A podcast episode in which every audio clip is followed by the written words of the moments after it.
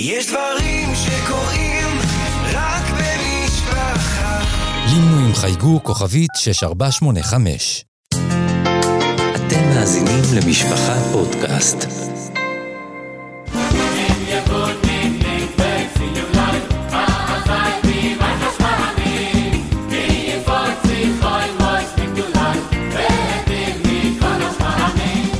שלום וברוכים הבאים לעוד פרק בסדרת הפודקאסטים קורת רוח. איתי הרב אפרים זלמן גלינסקי, ידידי הטוב ובשור אלתר גרובייס. ואנחנו נפגשים, ברוך השם, בערב חנוכה, זה לא פעם ראשונה.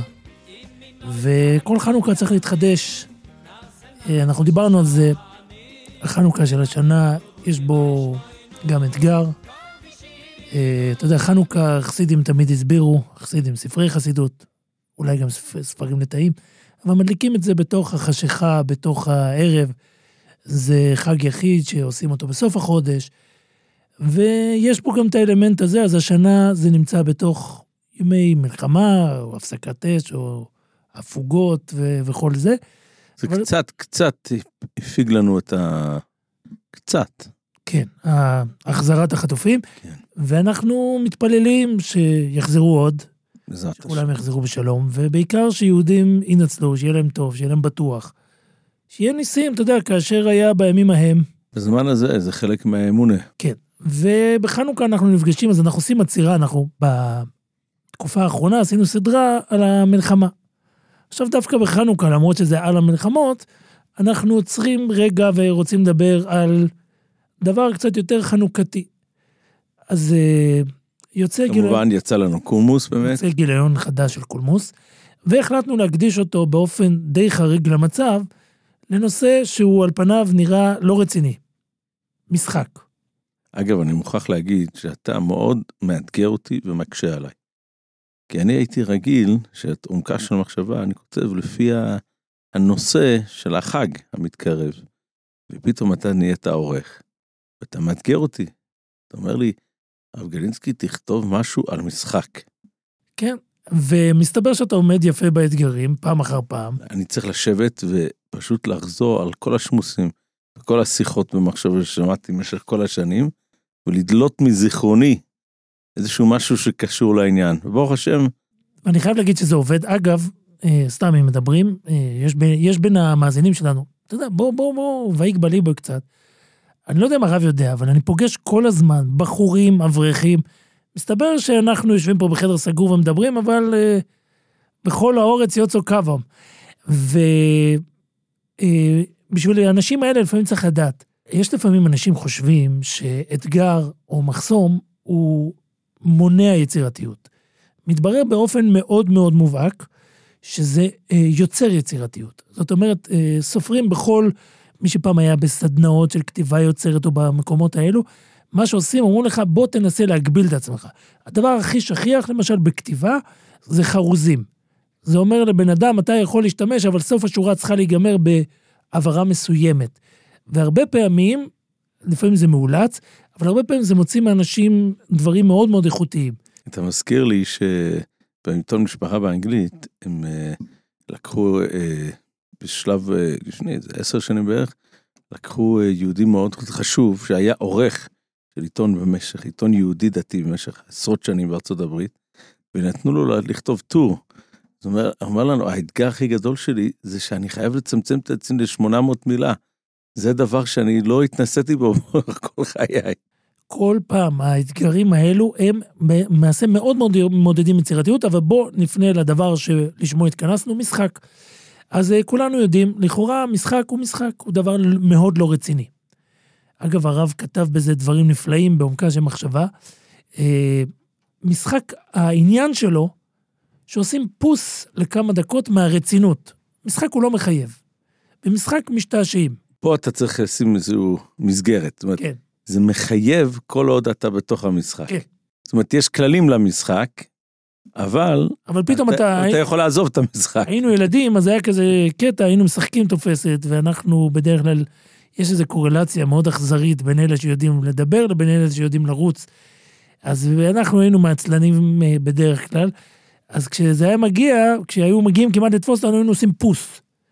שיפוס אומר שאתה משתחרר מהמשחק. כרגע עוצרים רגע ואנחנו חייבים ללכת לשתות או משהו, ואז לא חלים עליך כללי המשחק.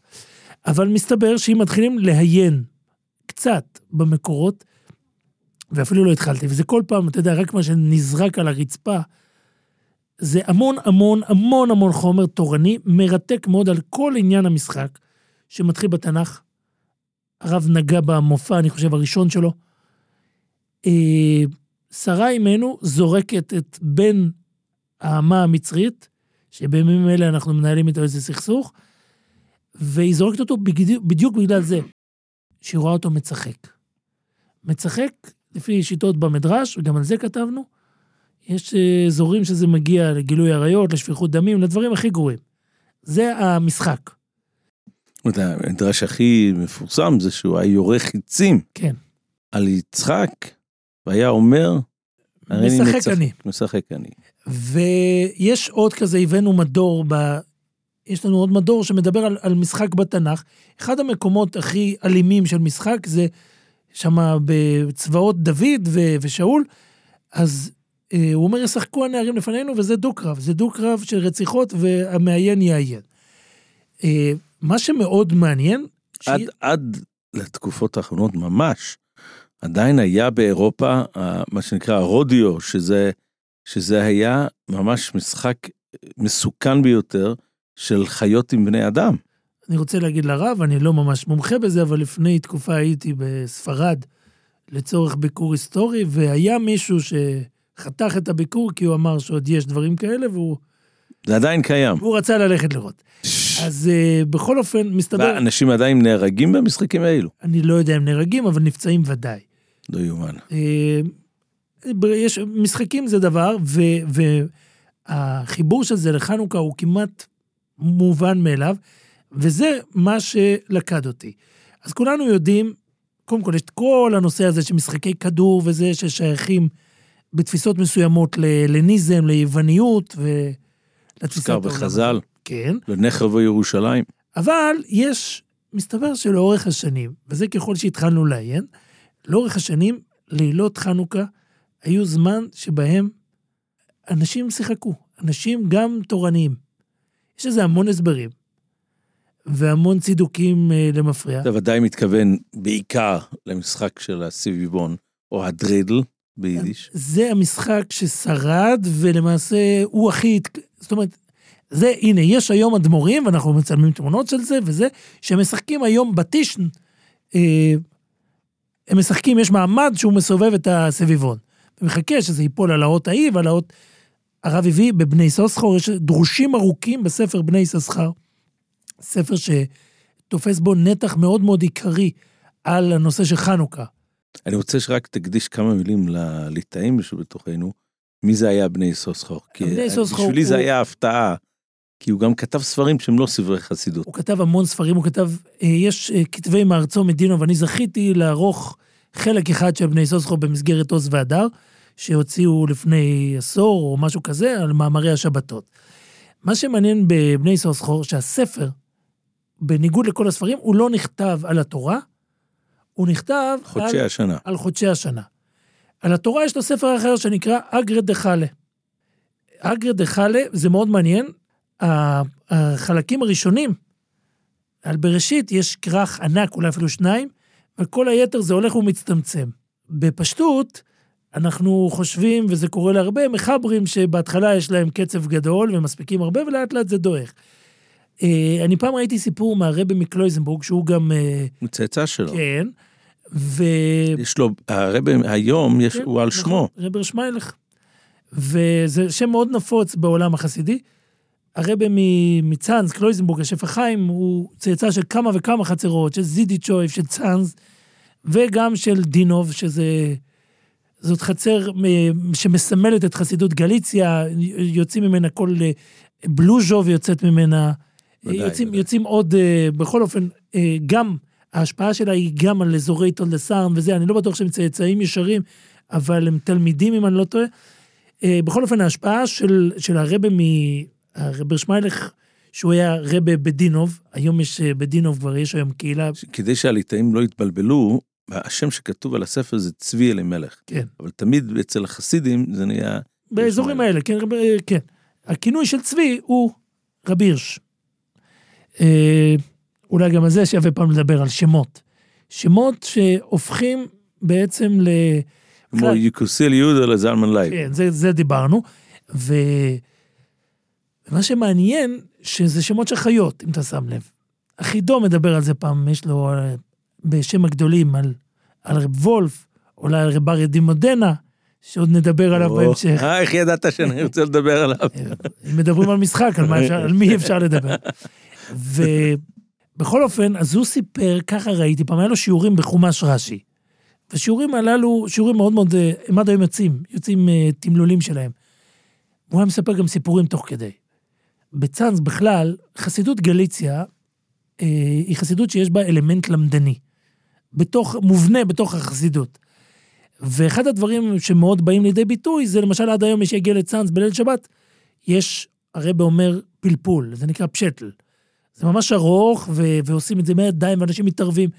זה מגיע עוד... זה אה, מעניין שרואים את התמונות, רואים שאנשים, זה לא כמו טיש רגיל, רואים את האנשים שם תופסים את הראש כן, ומנסים כן. לחשבן. זה, זה, זה מאוד יפה ומאוד מעניין.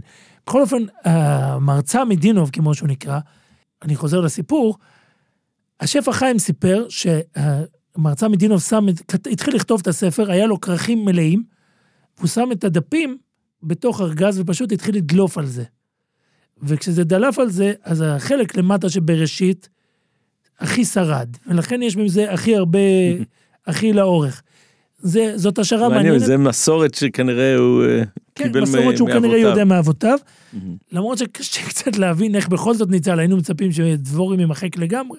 מה שרציתי רק להוסיף, העניין הזה של הבני סוסחור, זה לא רק על סדר החודשים, זה על סדר, ופה אני אצטרך שאתה תרחיב על זה, זה על המשפטים שכתוב בספר יצירה על כל חודש. זה, זה בין השאר. זאת אומרת, הוא כותב, זה מסודר לפי חודשי השנה, יושב על, על, ה, על ה...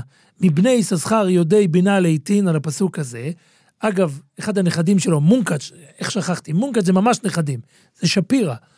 הם ממש נכדים, אחד הנכדים אה, עשה את זה, עשה גם הוא חיקוי של זה, ברח לי מהראש, אולי שערי סוחר זה נקרא, אה, השם של הספר. בכל אופן, החלק הכי עיקרי, החלק הכי גדול, הכי דומיננטי, זה על חנוכה. עכשיו, חנוכה, צריך לומר, זה חג שהחסידים יש להם חלק גדול בהחייאתו. אה, מאוד נתנו לו נופח והמון המון משמעות לכל דבר בחנוכה.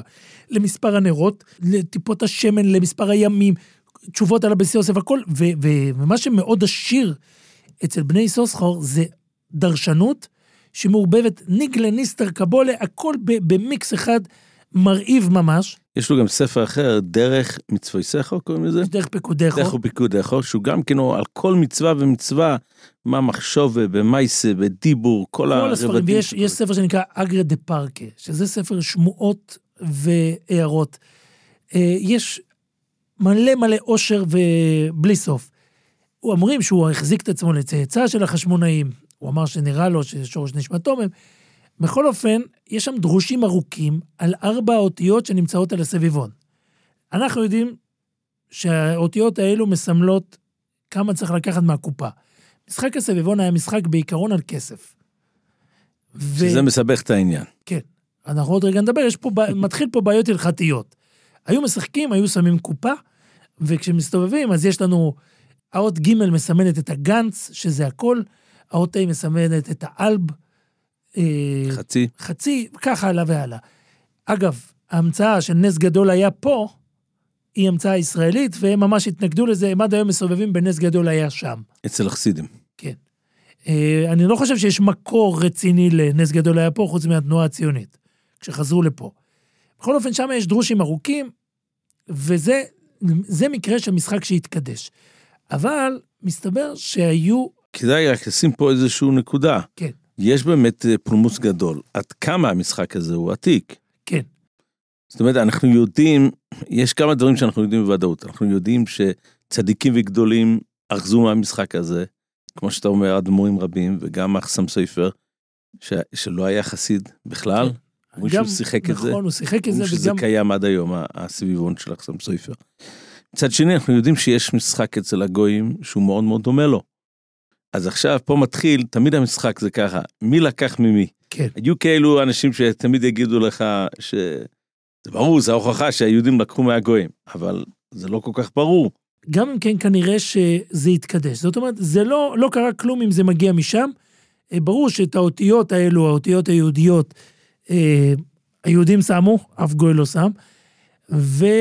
אה, אבל אני רוצה לדבר איתך על משחק אחר, שהוא משחק הרבה יותר דומיננטי, שהיה נפוץ במשך שנים.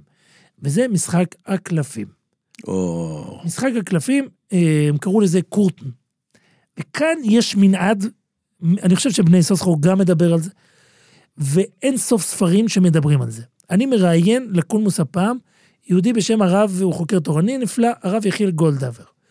מה שעושה היהודי הזה, הוא בדרך כלל, הוא מומחה, מרתק, הוא אדם מרתק פשוט. אדם מרתק. פעם ומה- עשיתי, הוא לקח אותנו לסיור פעם באזור מאה שערים, פשוט שופע, ו- ומה שמדהים בו זה היכולת לחקור דבר לעומקו, לעומקו. הוא הגיש לי כמעט 300 עמודים של על נושא השחוק.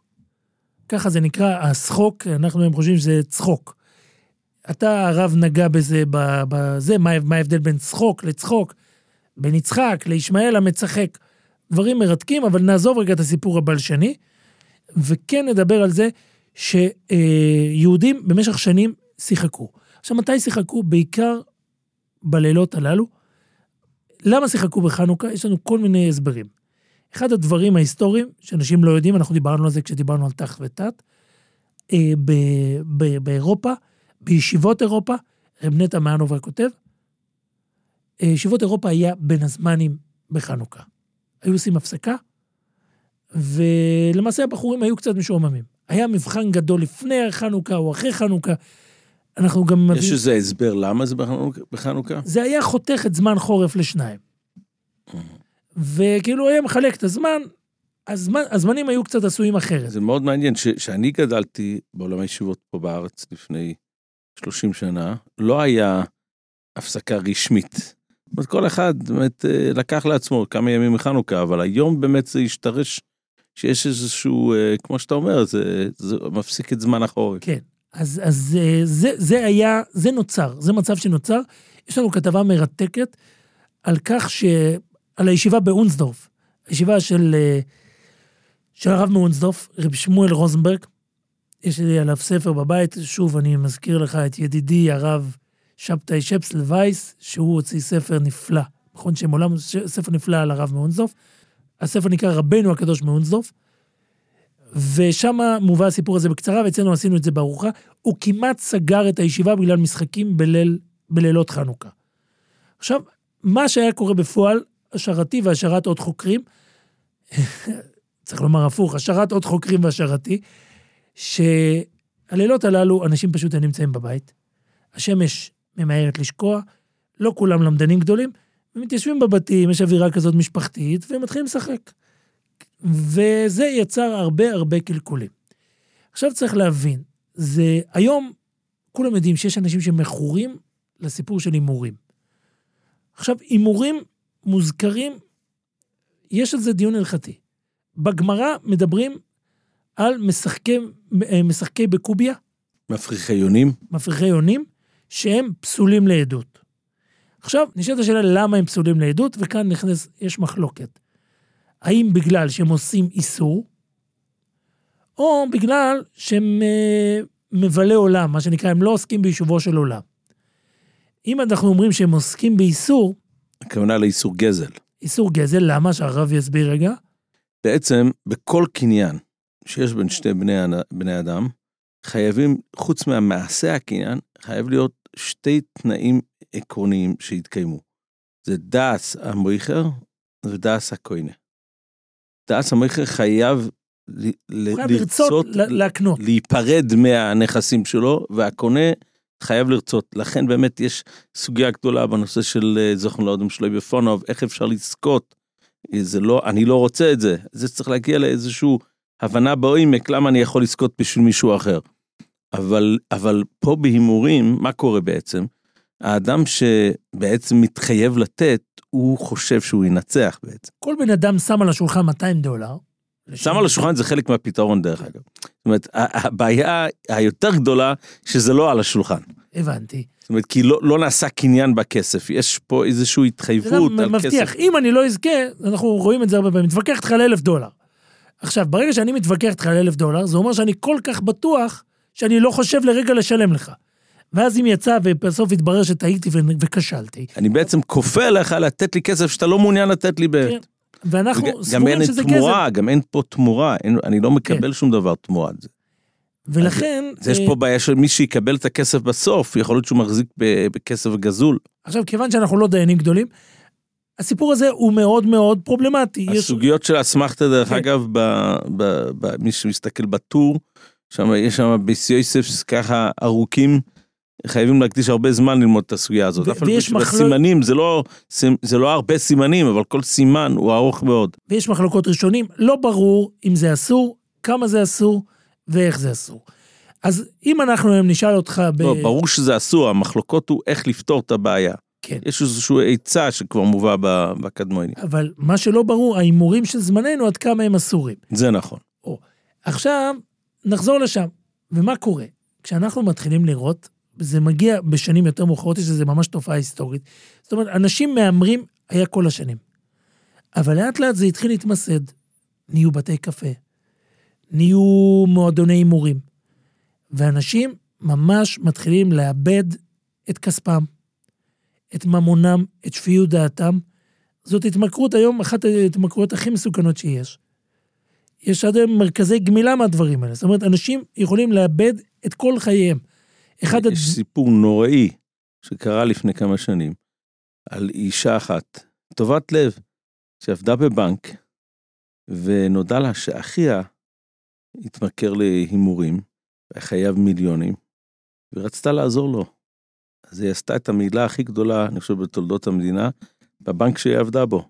ולא בשביל עצמה, בשביל לשלם את החובות של אחיה בהימורים. אז אני אספר לך סיפור הרבה יותר מזעזע, שסיפר לי הרב גולדהבר, והוא הראה לי תשובה של הרב עובדיה ידעיה, שמספר על יהודי פה בירושלים ששיחק אה, שיחק עם ערבי. אחרי תקופה נגמר לו כבר על מה להמר, אז הוא הימר על זוגתו, אוי אבוי. והוא הפסיד אותה. זאת אומרת, דברים מגיעים, דברים מגיעים ל... ההימורים זה, זה קליפה שאנחנו לא יכולים להבין. עכשיו, כמו שקורה הרבה דברים, זה אולי כדאי לדעת. אה, לא לכל דבר יש איסור מפורש בשולחן ערוך. לפעמים חז"ל רואים, חכמים, חכמי דור ודור רואים, שיש מצוקה, שיש באים לידי איסור, אז הם צריכים להוציא איסור. זה בדיוק המנדט של חז"ל. ופה הרב גולדבר הולך היסטורית ומראה לך, אני אומר לך, מאות שנים, בעשרות קהילות, יוצאים עוד ועוד ועוד איסורים. איסורים, הקהילה מוציאה, הרבנים אוסרים, מחרימים, בהמבורג, ב- ב- בלי סוף, ובולוניה. בוונציה, איפה שאתה רואה, ואתה גם רואה כמה זה לא עובד, כמה זה לא פשוט. הדבר, אנשים נכנסים לסיפור הזה והם לא מצליחים להשתחרר. אתה הזכרת קודם את רבי יהודה אריה או, לימודינה. מרד מודנה היה רב של ונציה, מדובר על גאון, בסדר גודל, אנחנו הז- יש הזכרנו, צ'ובס, יש צ'ובס שלו. יש, יש ממנו כמעט, נראה לי, 20 ספרים. כל ספר יותר מרתק מהשני, כי הוא אדם מאוד מאוד צבעוני, ומלא, יש לו ספר הזיכרון, אנחנו הזכרנו פעם. ויש לו ספר, לו פולמוס נגד הנוצרים. כן, ויש לו ספר שלם על הצחוק. על איסור הצחוק.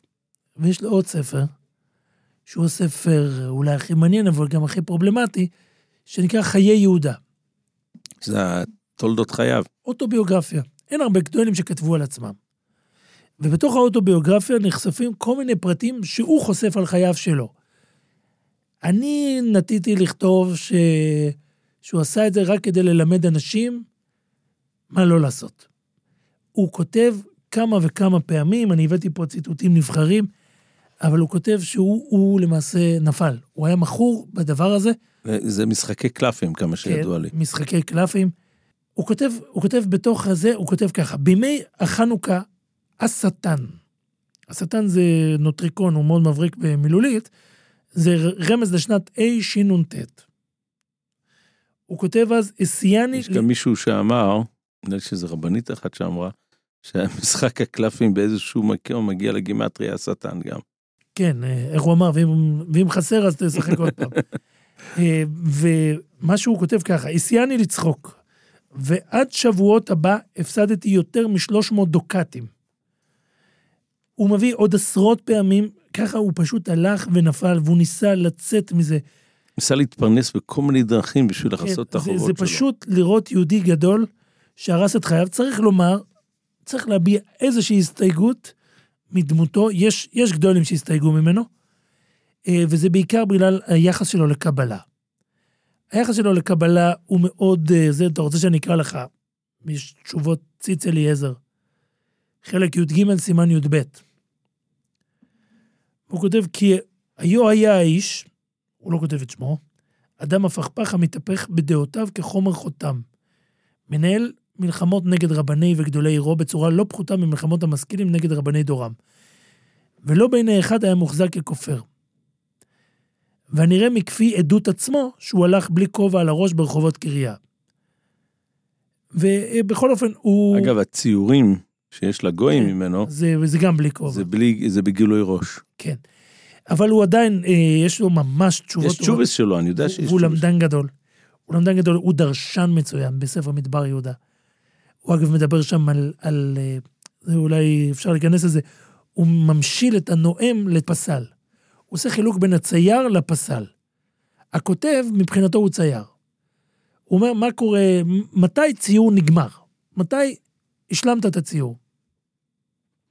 אין לזה, זה, אתה כל הזמן יכול לעשות שינוי. אתה יכול להוסיף עוד ציור, אתה יכול אה, להוסיף עוד מכחול, עוד משיכה. פסל, כשהוא מסיים לפסל את הדמות, זה נגמר. הוא משווה את זה בין אדם שנואם בעל פה לבין אדם שכותב. עכשיו, כולנו יודעים את זה. כשאתה נואם, כשאתה אומר פודקאסט, אין לך דרך לחזור בך. כשאתה יושב לבד ואתה כותב, אתה יכול להוסיף מילה, אתה יכול להגיד, בוא'נה, מקודם טעיתי, ואז להחליף. היום אתה צריך להגיד, אה, סליחה, מה שאמרתם קודם לא מדויק. בטכניקות של היום גם זה לא כן, נכון. כן, נכון, אבל עדיין, אה, כשנגמרת דרשה, בפרט דרשה בפני קהל, אתה לא יכול לחזור בך, ואנחנו רואים את זה כל הזמן, אתה יודע, סביבתנו אני פה. שמעתי פעם מראש שישי אחד, יהודי חשוב, שאמר ש... הוא שהוא דיבר, אמר את זה אז, בתקופה שההקלטות, הוא אמר, הוא לא יכול להתרגל לעניין הזה של ההקלטות, מקליטים שיעורים, הוא אומר, אני לא יכול להגיד משהו שונה ממה שאמרתי פעם. אני כל הזמן מחשבנים איתי מה אמרתי פעם. כן, אבל זה דרכו של טוירו, דרכו של טוירו זה ש... ממש כך, לא, שמתחילים אומר, כל פעם מחדש. רואים אנשים ממש מחרבים את חייהם בפליטות פה של, אה, של רגע, ואין דרך. לעומת זאת, בכתיבה, בן אדם יכול להיות יותר זהיר, ועוד דבר שעל זה הוא כותב באריכות, זה שהפסל קורא לו, אחרי שהוא מוציא את הפסל שלו, הוא מעמיד אותו ברחוב העיר, אז כל אחד יכול לבוא ולתת עליו ביקורת. ואין לו איך לתקן את זה. הוא מדבר על התסכול כשאתה עומד מול קהל, ו... ואתה לא יכול אה, לרצות את כולם. אחד הדברים המשעשעים איתו, שהוא מדבר על כך שיש לך קהל מעורב. אתה עומד בבית כנסת, כל מי שפעם התנסה בנאום, מכיר את זה. יש קהל מאוד אינטליגנטי, יש קהל מאוד נמוך ויש קהל בינוני. ואתה מתקשה לדעת לאיזה קהל אתה פונה. אתה יודע שאם תגביה מדי, אתה תחזיק את הגאוינים, אבל המון העם לא יחזיק איתך. תרד למטה, אלה למעלה יצחקו עליך. והוא אומר, תדבר לבינוניים, שתי, שתי הקבוצות לא יאהבו אותך. חפץ חיים משתמש עם הדבר הזה בשביל להסביר למה אסור לדבר לשון הרע על דרשנים. בגלל שכל אחד יש לו את, ה... את הסוג שהוא שלו. אוהב. בכל אופן, אה, מה, מה שקורה, הוא דוגמה ליהודי שהתמכר, ויהודי חשוב. אני חושב שזה בתקופה שלו שהתחילו את התקנות האלו של ה... התחילו עוד קודם, אבל בתקופה שלו, באזור שלו, צריך לדעת, באיטליה, אנחנו דיברנו על זה המון פעמים, איטליה היא אחד האזורים המסקרנים. יהודים שם חיים במובן מסוים בהרבה פחות אנטישמיות מאשר יהודים בשאר העולם. יהודים שאיטליה בתקופה ההיא, תקופת הר... קצת אחרי הרנסאנס. אתה דקדקת ל... ל... בלשונך קצת פחות אנטישמיות, כי כן. גם האנשים, גם היהודים האלו שלמדו לרפואה, כמו הספורנו או כל האחרים, הם עדיין נתקלו ב... באנטישמיות. והכל תלוי באיזה שנים, באיזה תקופות. צריך להבין, איטליה של היום, זאת לא איטליה של אז, נסיכויות, וינציה היא נסיכות לעצמה, אבל אנחנו רואים שהם מאוד מעורבים בין ה... זה נכון, היה הרבה יותר מעורבות. בחיי ה... אנחנו גם יודעים, אתה יודע, את ההשפעות של זה. יש שם התבוללות חזקה בשנים מסוימות. אני פעם הייתי בגנוע, ג'נובה, לא יודע איך לקרוא לזה, זה כמו אה, ונציה בעצם. זה... יותר ליד הים למעלה. לא, וגם שם יש את, ה, את הרחובות שהם... אה, לא ממש, לא ממש, זה, זה על הים. ופגשנו את הרב המקומי, והוא אומר לנו שלפי מה שמקובל בידם, אה, הרבה מהגויים האיטלקים שאנחנו רואים, עם ה... שנראים אה, איטלקים לכל דבר, הם... אה, צאצאי יהודים. צאצאי יהודים, לא, לא בטוח שהם יהודים הלכתית, אבל כי יש המון המון התבוללות הייתה שם. אנחנו כבר דיברנו על זה, על המשך חוכמה. האנטישמיות היא די...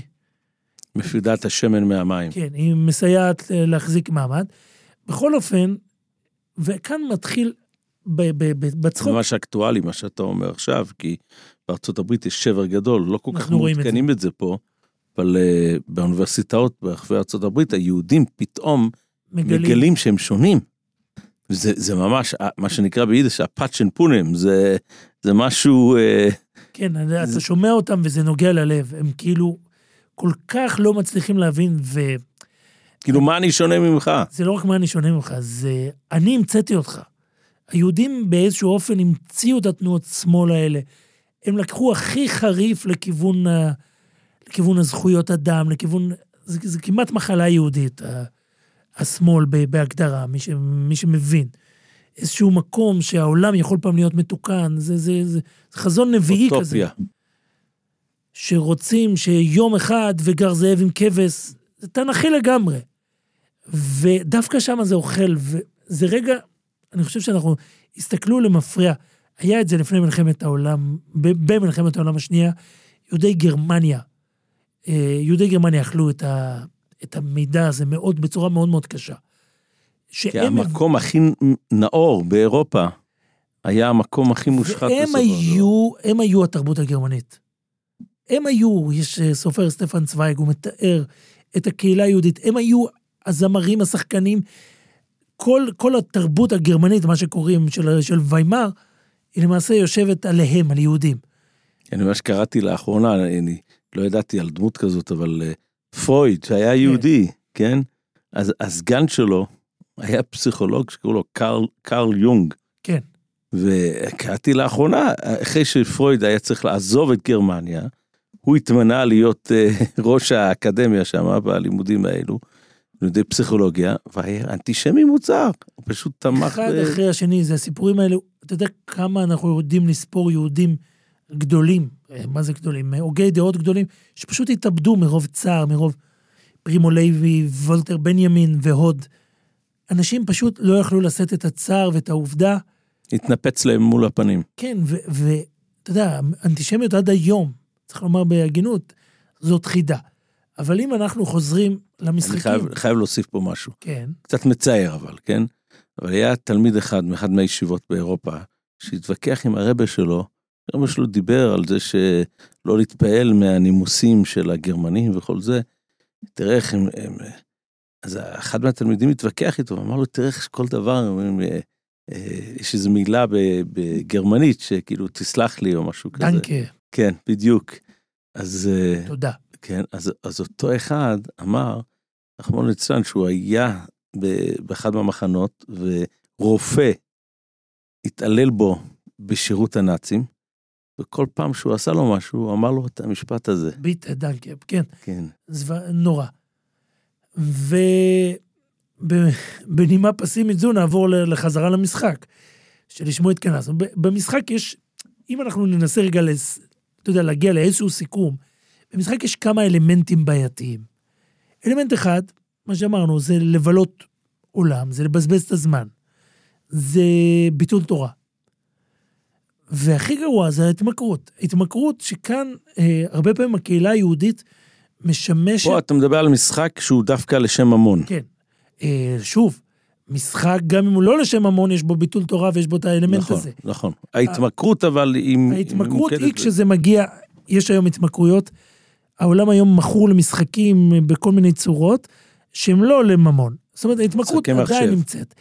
הקהילה היהודית בהרבה מהמקרים נכנסת כשמתחיל נזקים.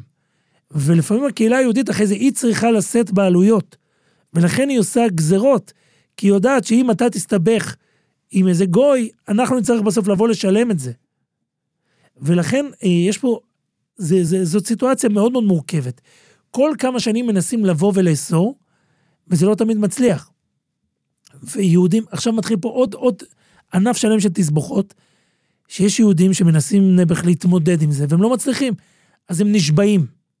עושים נדרים, אני נשבע שאני לא אשחק. ואז מה קורה, אם מותר לו להפר את השבועה וכל הדבר הזה, זה דיון הלכתי מובהק ו, ומעניין וענף. וככה אתה פשוט הולך ומסתבך. עכשיו, צריך לדעת, יש פה את ה... יש פה את האלמנט גם של פנאי. מה, ופה זה כבר עניין מחשבתי, שאגב, הוא נוכח עד היום. האם יש ליהודי, תלמיד חכם, זמן? אני חושב שנגענו בזה בפודקאסטים שלנו על בין הזמנים. כן.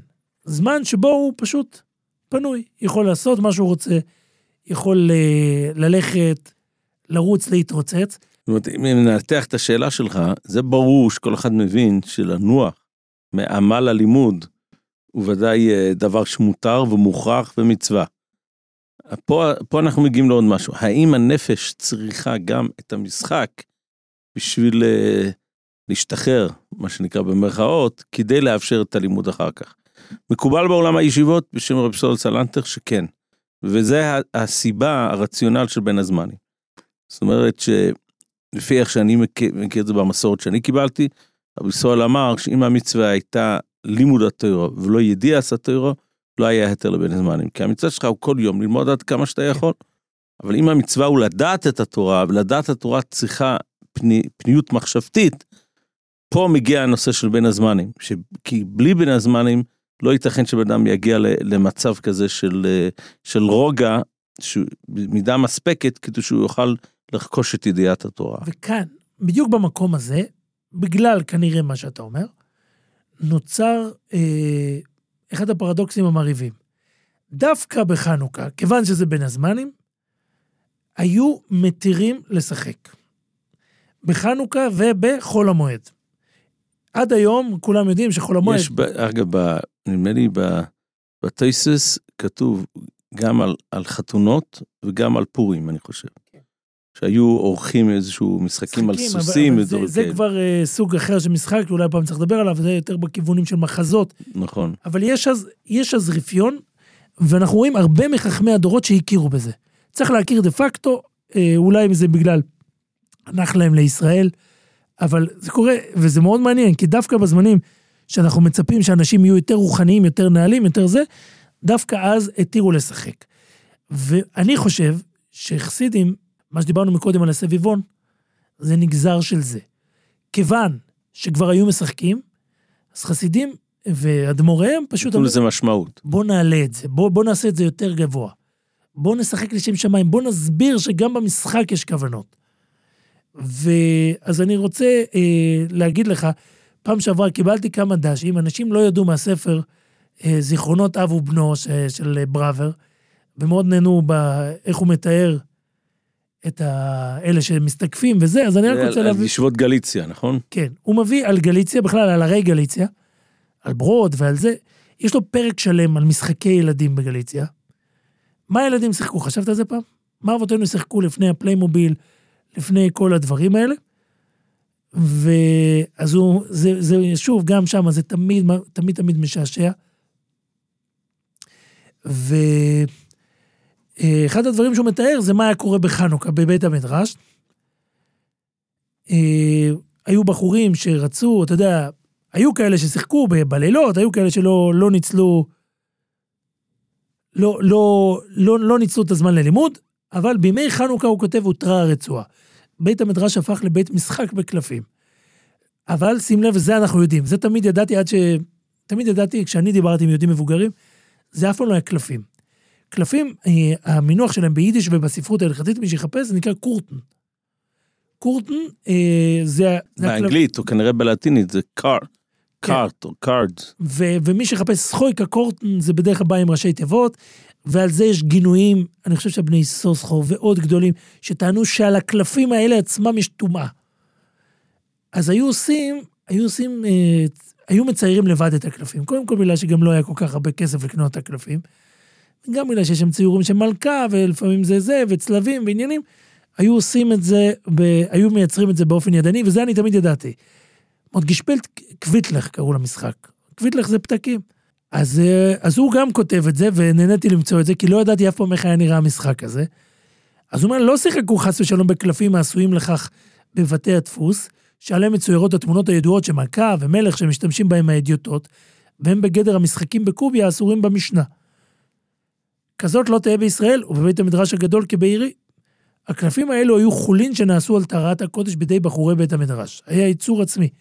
כל תמונה לא הייתה עליהם, כי מספרים מ-1 עד 31. המספרים 1, 5, 10, 15, 20 ו-25 היו מצוירים בזר שושנים סביב להם, ונקראו בשם שרוונצים.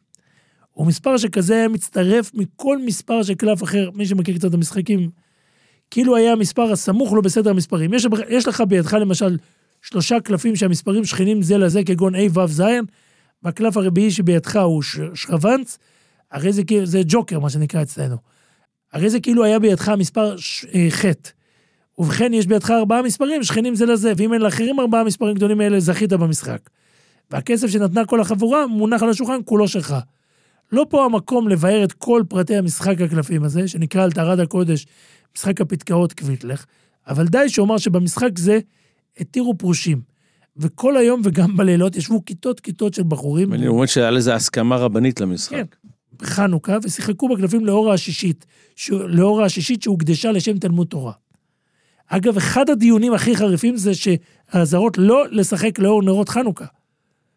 שזה בכלל אסור להשתמש בהם, אבל ודאי לא לזה, ועל זה יש ממש לשונות חריפים. אה, הוא כותב ככה, ביטול תורה זה נעשה אמנם בהצנע ועל ידי מתן שוחד לשמש בית הכנסת, שלא יגלה סוד זה לבעלי הבתים שבבית המדרש. על השולחנות היו מונחים הספרים כבכל יום, זה בדיוק הפוך מהסביבונים של היוונים. ואם בא מי מן החוץ, יכול היה להאמין שהבחורים יושבים ועוסקים בתורה. אבל האמת ניתנה להמר שהתורה הייתה מונחת בקרן זווית כל ימי החנוכה, ורק בחורים יחידי סגולה, מעטים כגון חתנים, שכבר הגיעו לפרקם, אה, לכנוס לחופה, או סתם בחורי חמד, בחורים שרצו שידוכים טובים, או סתם בחורי חמד שנפשם חשקה בתורה, עסקו גם אז בתורה.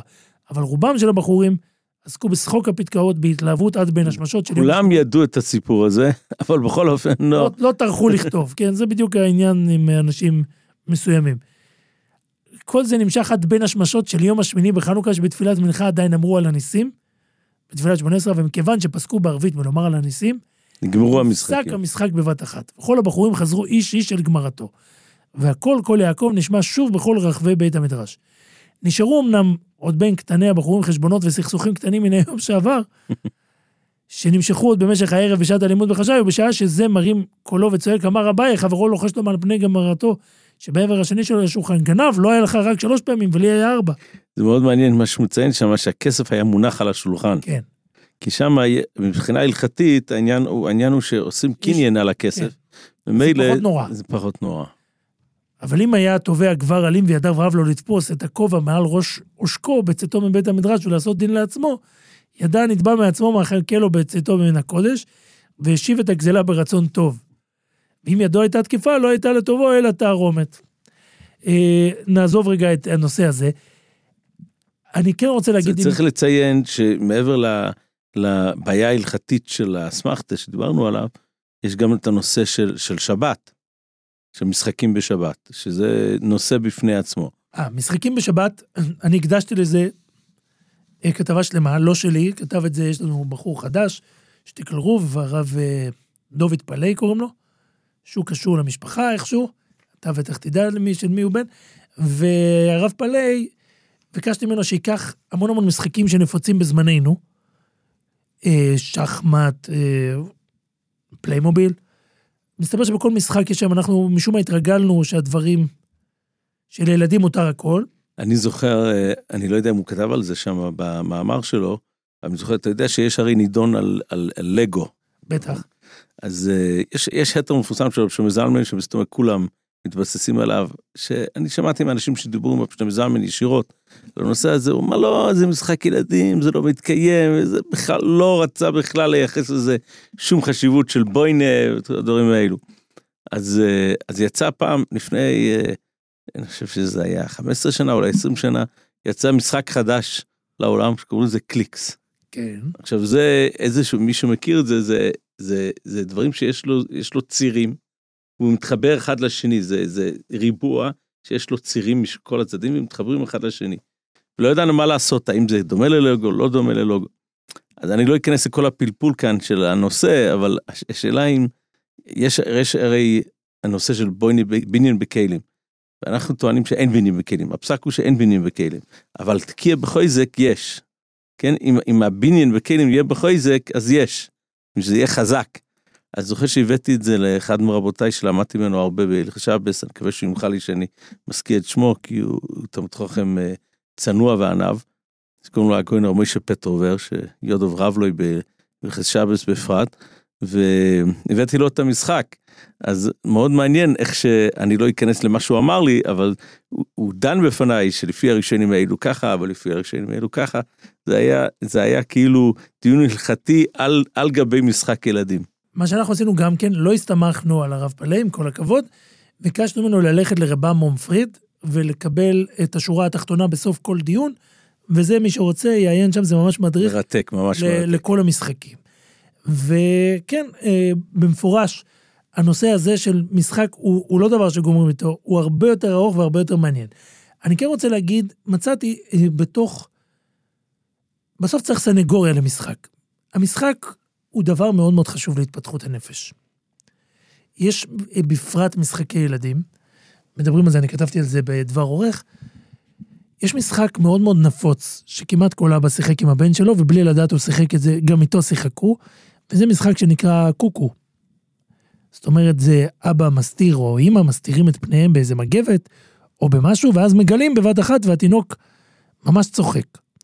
עכשיו, לפי רוב הפסיכולוגים, הזכרת מקודם את הפרוידים והיונגים ולדורותיהם, אה, יש כאן מהלך שמתפתח במוח של ילד. כי בשביל ילד לקלוט שמישהו נעלם פה, זאת אומרת, ילד מאוד מאוד קטן, כשנעלם לו משהו מהעיניים, הוא לא טורח לחפש אותו. זה פשוט נעלם. זה שלב התפתחותי בנפש, זה חלק מה, מהבעיה של הרגשת נטישה, כן, חרדת נטישה. זהו. שהוא רואה שהאימא שלו, הוא הולך לגן, ואימא שלו הולכת, הוא בטוח ש... זה בדיוק זהו. הסיפור, ולכן בשלב מסוים ילד מבין שצריך להתחיל לחפש את זה שנעלם, אני נותן לך לבד לחשוב על הקשרים שלנו עם הקדוש ברוך הוא. אה, באיזשהו שלב של התפתחות אתה מבין שמי שנעלם ממך הוא לא באמת נעלם. ויש פה גם הבנה של סיבה ותוצאה. מאחורי המגבת יש עכשיו אבא, וזה זה, זה, זה מהלך שהמוח מפתח. היכולת להבין ולהאמין בדברים שאתה לא רואה. וזה מתפתח תוך כדי משחק הזה. תחשוב כמה זה מדהים. זה מאוד מעניין שהיה ויכוח בין שתי גדולי תורה בארצות הברית, נדמה לי זה היה רבי ינקי קמנצקי ורבן קוטלר. איזה משחק כדאי לבחור לשחק כשהוא נמצא בזמנו הפנוי. אז רבי ינקי קמנצקי אמר לו פשוט ששחמט, כי שחמט מחדד את המוח. רבן קוטלר אמר, מה זאת אומרת, אם הוא כבר מפעיל את המוח, שיביא לתורה. שיפעיל את תורה, אז עדיף לשחק משהו שלא מפעיל את המוח. זה שתי גישות מעניינות. אגב, אני, אתה ממש זורק אותי לשם, הרבי מקוצק היה אומר על, אה, על עבודות. יש שם המון אנשים שדנים, זה עוד דיון שמאוד אהוב על אה, אזורים מסוימים בזה, כן לעבוד, לא לעבוד. אז הוא אומר שהמשנה אומרת, אה, הפסוק אומר, יגיע כפיך כי תאכל. אז הוא אומר, יגיע כפיך, לא יגיע מוחך. זאת אומרת, בן אדם שיכול לעבוד עבודה פיזית, עדיף מאשר בן אדם ש... יש חצרות חסידים שאוחזים לזה עד היום ככה. כן, כן, אתה רואה אצלו. כשאתה עובד, אתה מסדר מדפים, אני יודע מה אתה עושה, אתה, הראש יכול להריץ הלאה מחשבות עמוקות. אבל כשאתה מתעסק עם, ה- עם הראש, כאילו את זה תשאיר אה, נקי. בכל אופן, אה, מה שאני הבאתי, וזה היה חשוב לי, הרבה שלנו, אנחנו מדברים עליו הרבה, הרבה מפייסצנה. הרבה מפייסצנה, אה, אחד הדברים שעשו אותו זה בעצם ילד שגדל בכוחות עצמו. הוא התייתם מאבא שלו בגיל שלוש. ומאז הוא כבר זכר את העולם. הוא כותב באחד, באחד המקומות ביומן שלו, הוא כותב, מילדותי ועד עתה מלא ייסורים אינני, עוד ילד רך הייתי, ודאגותיי וצערותיי כמעט שברו את כוחי ורוחי. הוא היה, הוא התייתם, הוא תיאר תמיד, היה לו רגישות, מי שקורא אותו, הוא ממש פסיכולוג או איך שלא הוא מבין את נפש הדור, על זה אין כן. להתכחש. כן, והוא אה, מדבר, הוא תיאר, אחד הדברים שהוא תיאר כילד, הוא לא זכר איך הוא חווה את היתמות, זה גיל שלוש, הוא כן זכר שאימא שלו הייתה נורא בצער. אחרי זה הוא הלך, ובעצם הוא מה שקוראים באמריקאית self-made man, בן אדם שעשה את עצמו, ו- וממש, אב לא היה לו, רב לא לימדו, למרות שהוא לקח אותו, אחיינו, שהיה חותנו לימים, הוא לקח אותו לגדל אותו. אבל אה, אני כן רציתי לפ- ל- לגעת בנושא המשחק, מה הוא חושב על אה, בחורים. ואחד הדברים שהוא עושה בפתיחת ספר חובת התלמידים, שזה ספר שדיברנו גם עליו, ספר הדרכה לבחור. והוא פונה לבחור הזה בן 13, וצריך לדעת את זה. היום הרבה בחורים עושים את המעבר מחיידר לישיבה, ופתאום בבת אחת, וזה קורה, אני זוכר את זה אפילו אצל עצמי. יום אחד שמים לך כובע על הראש, אתה נהיה גדול אתה ביום. נהיה גדול, ואתה לא יכול לשחק את המשחקים של אתמול, וזה די קשה. ואז הוא פונה ל... הלם תרבותי קוראים לזה היום. אז הוא, הוא פונה כדרכו לתלמיד בלשון נוכח, והוא כותב לו ככה: בן יקיר, אפשר, תפחד לאמור, הנה אתה עוד נער רך וטוב, אוהב לשובב מעט, אוהב לשחק עם הנערים, והנה באנו אליך לעשותך בפעם אחת לאיש זקן, יושב ודומם ולרחק ממך את כל ילדותך. עוד די לך בכל זה. הפחד מובן, וזה רק רבה שהתעסק בעצמו, אגב, עם נערים, הוא היה ראש ישיבה בעצמו. אחד הסיפורים שלו שהכי נוגעים לי ללב, הוא היה, הישיבה הייתה בבניין שלו. וממש קיר הפריד בינו לבין הבחורים.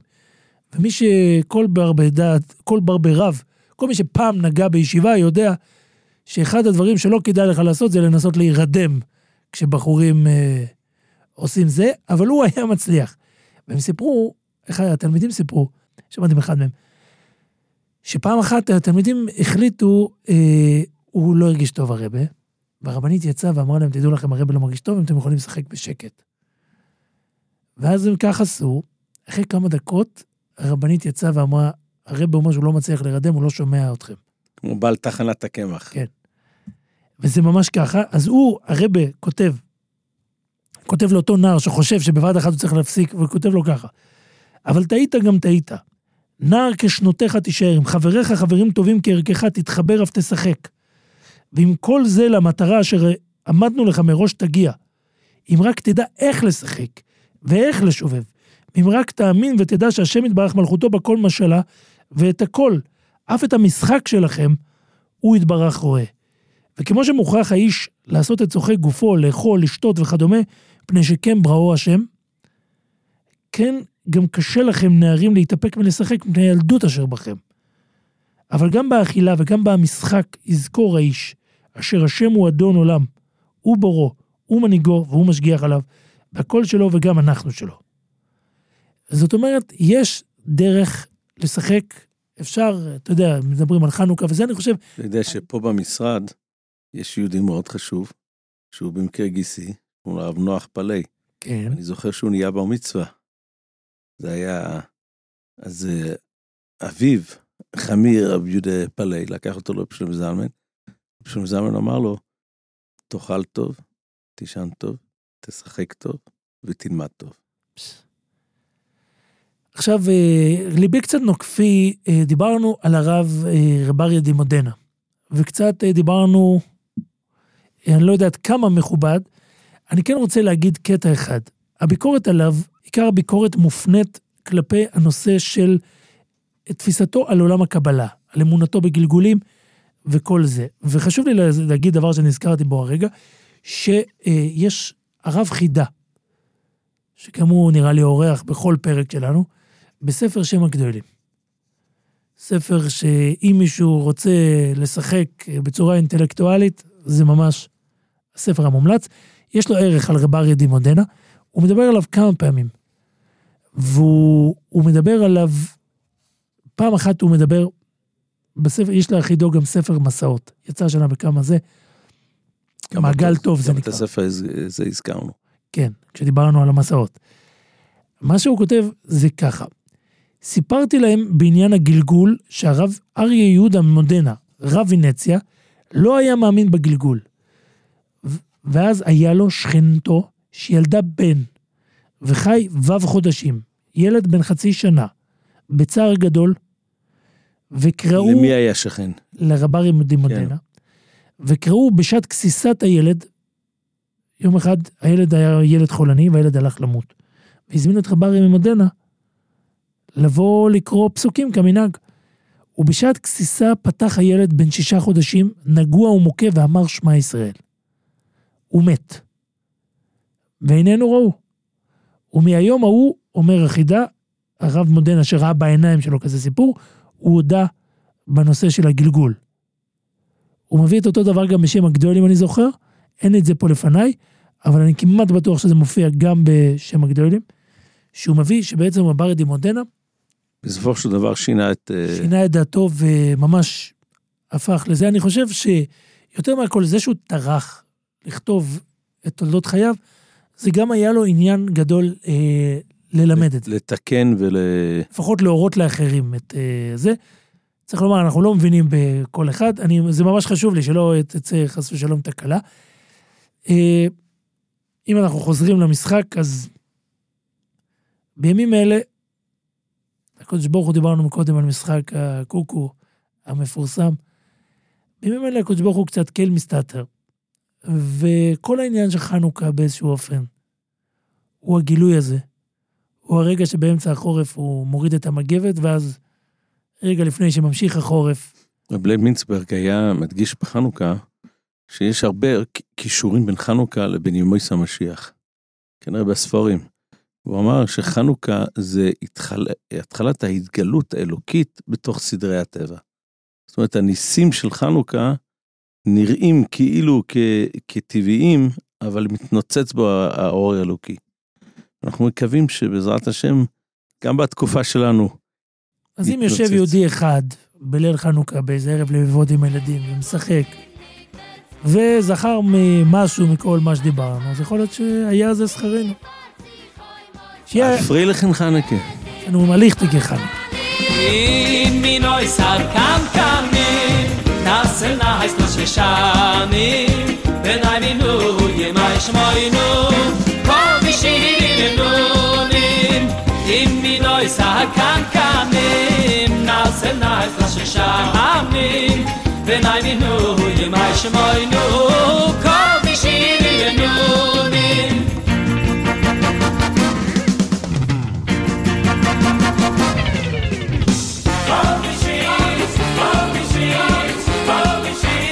Ao bichinho